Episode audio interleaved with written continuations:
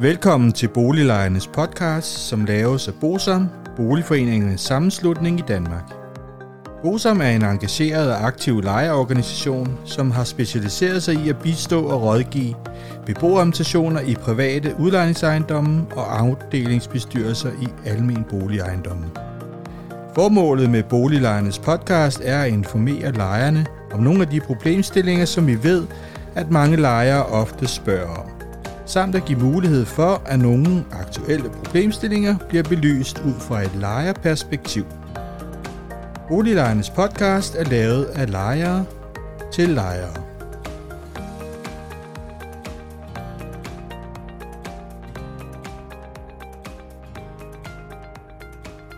Velkommen til Boliglejernes podcast. Mit navn er René Sur, og jeg arbejder i Bosom. I dag skal vi have anden afsnit i serien omkring varmeregnskaber, og det har fået titlen Sådan læser du et varmeregnskab. Det normale er, at man som lejer, så får man et forbrugsregnskab for varme en gang om året, og i den, der kan man jo typisk læse, hvilken andel af den samlede udgift skal man betale som lejer, og man kan se forbruget, og så har man mulighed for at se sine aflæsninger, altså hvad der står på målerne, og så kan man forholde sig lidt til ejendommens samlede udgifter. Og måske skal jeg starte med også at fortælle, at jeg tager udgangspunkt i et almindeligt standardregnskab fra firmaet Brunata. Men uh, gennemgående så er de fleste regnskaber opbygget på nogenlunde samme måde. Det, som de fleste de hæfter sig ved, det er selve det, hvad har forbruget været i kroner og øre, og hvor meget har man indbetalt i af konto.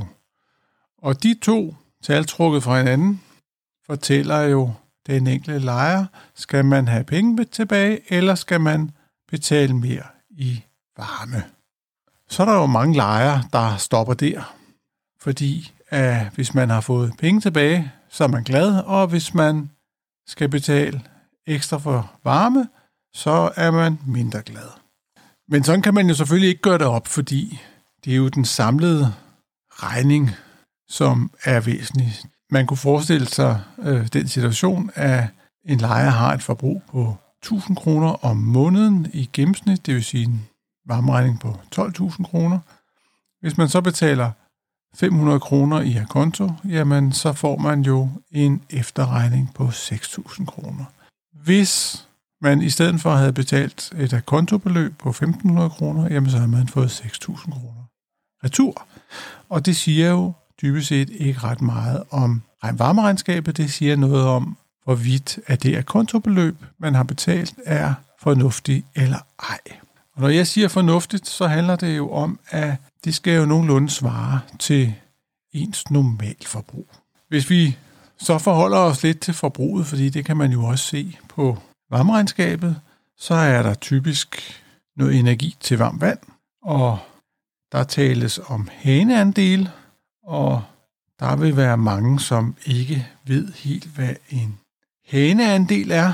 Og der kan jeg så fortælle, at når vi snakker om haneandele, så handler det om, hvor mange haner man har i legemålet. Og det betyder, at for eksempel en køkkenhane, altså der, hvor man tapper vand, den tæller tre andele.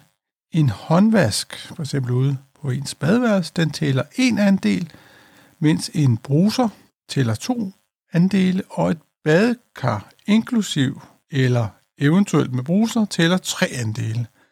Og det er fordi, at det angiver, hvor meget man sådan forventer, at man bruger af vand. Og hvis man så gennemgår lejligheden, så vil man jo se, at man har en køkkenhane. Det er tre andel. Så har man typisk også en vask, og det er også en andel. Og så skal man jo selvfølgelig holde, forholde sig til, om man har en bruser eller et badkar, fordi det er jo forskelligt. Og hvis man har en bruser, så skal man lægge to til. Så har man altså tre plus E plus 2, det er 6 andel. Og hvis man i stedet for en bruser, så har badekar, så skal man altså lægge en ekstra til, fordi at den tæller lidt mere. Og det er fordi, at hvis man går i karbad, så bruger man mere vand, end hvis man kun har en bruser.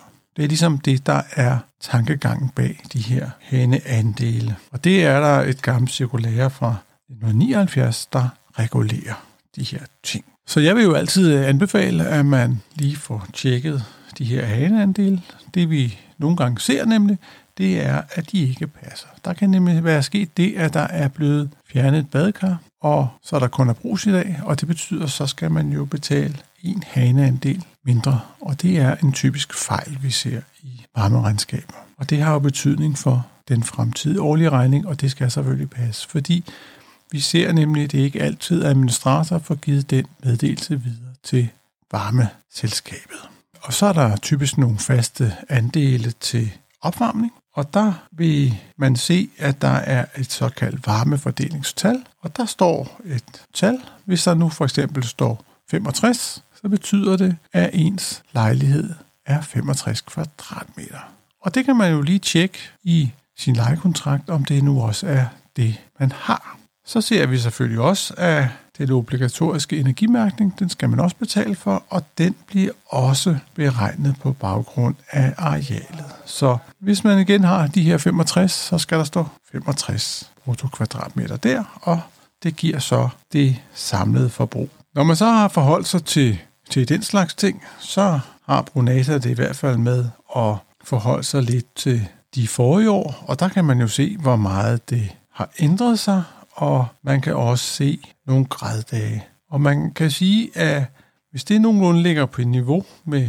de øvrige, så er der trods alt en sandsynlighed for, at det ikke er helt skævt, det som der står i varmeregnskabet. Uafhængig om man skulle have penge tilbage, eller man skulle betale ekstra. Fordi det er jo det, der er det vigtige. Og det er jo så det forbrug, der er registreret på de legemål. Men i Brunatas varmeregnskaber, der har de også sådan, at de forholder sig til, hvad er det for nogle aflæsninger, der har været på målerne. Og der er det jo så interessant at se, om det er helt ved siden af. Man kan jo være i den situation, at der er en af målerne, der ikke burde have aflæst noget som helst. Forstået på den måde, at den har siddet på en radiator, som har været slukket i hele varmeregnskabsperioden. Det ser vi typisk i soveværelser. Det er sådan, at i en hel del af de måler, der er på markedet, der er det sådan, at de måler en varmeforskel, altså temperaturforskel. Og det gør, at hvis for eksempel solen den rammer radiatoren, så kan der komme en måling på det. Og det kan man ikke gøre noget ved, desværre. Men det kan man i hvert fald se på det punkt, der hedder måler. Derudover så kan man også se, om der er kommet noget reduktion for udsat beliggenhed. Det er et senere afsnit, hvor vi snakker om udsat beliggenhed. Og alt i alt så giver det nogle regnskabsførte udgifter. Det sidste, de altid har med, det er ejendommens samlede udgifter. Og der kan man se, hvad fjernvarmeudgiften er, og hvad energimærket er. Der skal helst ikke stå andre udgifter, fordi så er det, man kan begynde at stille spørgsmålstegn til disse udgifter.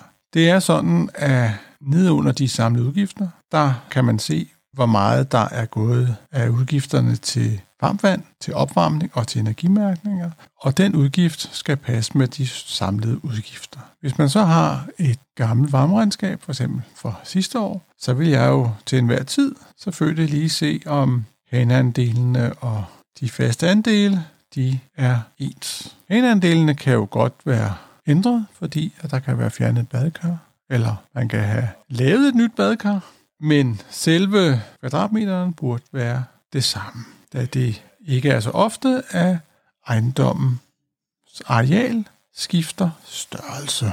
Det kan der selvfølgelig være, hvis man laver en ny opmåling, men så vil man ofte vide det. Når man så har, har kigget på det, og det synes man ser rimelig fornuftigt ud, så kan man forholde sig til, om afregningsperioden er den samme som sidste år.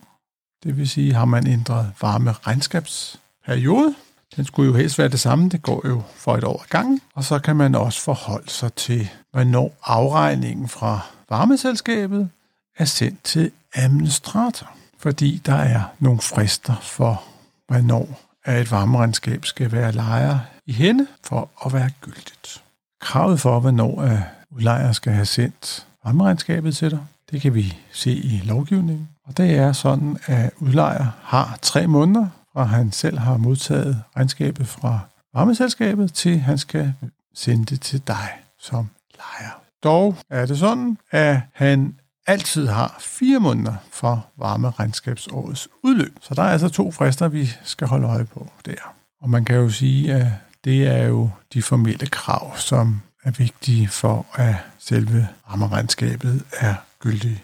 Hvis så at det her varmeregnskab er ugyldigt, så betyder det, at udlejer ikke har krav på efterbetalinger. Det vil altså sige, at hvis at du har brugt mere, end du har betalt i konto, kan udlejer ikke opkræve altså en ekstra betaling hos dig. Så sagde jeg før, at det var vigtigt, at man kiggede på de samlede udgifter. Og det er simpelthen fordi, at vi nogle gange ser, at der står nogle udgifter, som ikke burde stå der.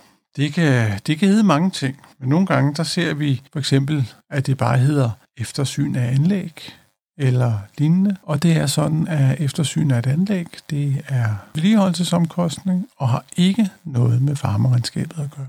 Og derfor skal den udgift ikke med i varmeregnskabet. Men vi ser altså, at der er nogle udlejere, som medtager den alligevel, og typisk er det jo en vedligeholdelsesomkostning. Og vedligeholdelse, det er jo noget, som du betaler, kære lejer, i forvejen, og det har vi gennemgået i nogle tidligere afsnit, og det skal selvfølgelig på vedligeholdelsesregnskabet, og udlejer skal ikke have betaling for det samme to gange. Vi ser også ofte, at hvis man laver en indsigelse for varmeregnskabet, den skal jo sendes til udlejer, og hvis udlejer ikke er enig, så skal han jo så sende den til huslejenævnet. Så ser vi ofte i huslejenævnet, at det er rimelig sjældent, at man som lejer får medhold, fordi at det, der ofte sker, det er, at udlejer skriver til for eksempel Brunata og siger, jamen, øh, der er kommet den her indsigelse på varmeregnskabet, og så siger Brunata, jamen, der er ikke noget galt med varmeregnskabet, og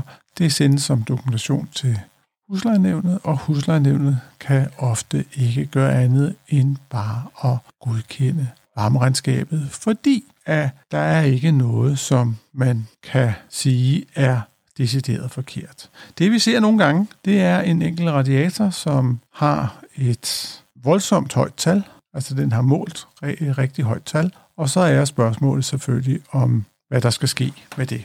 Det vi ser, det er, at huslejenævnet ofte ikke kan gøre noget ved disse indsigelser, fordi at man har fået at vide fra Monasta for eksempel, at regnskabet er retvisende, og så kan man jo selvfølgelig undre sig over, at der er en måler, der måler så meget forskellige i forhold til alle de andre år. Problemet er her, at vi ved ikke, når vi sidder i huslejenævnet, om den radiator har kørt for fuld drøn hele året, og derfor kan der være brugt så meget varme. Det ved vi ikke. Det vi kan forholde os til, det er, at ifølge Brunata for eksempel, er der ikke nogen fejl på udstyret. Og det er jo det, man desværre må tage til takke med som lejer. Det var, hvordan man skulle læse varmeregnskabet. I næste afsnit af denne serie, så vil vi nørde lidt, fordi der skal vi snakke om korrektion for udsat beliggenhed, og det er en lille smule nørdet, men vigtigt, fordi det omhandler fordelingen mellem lejerne. Det er jo sådan, at i et varmeregnskab,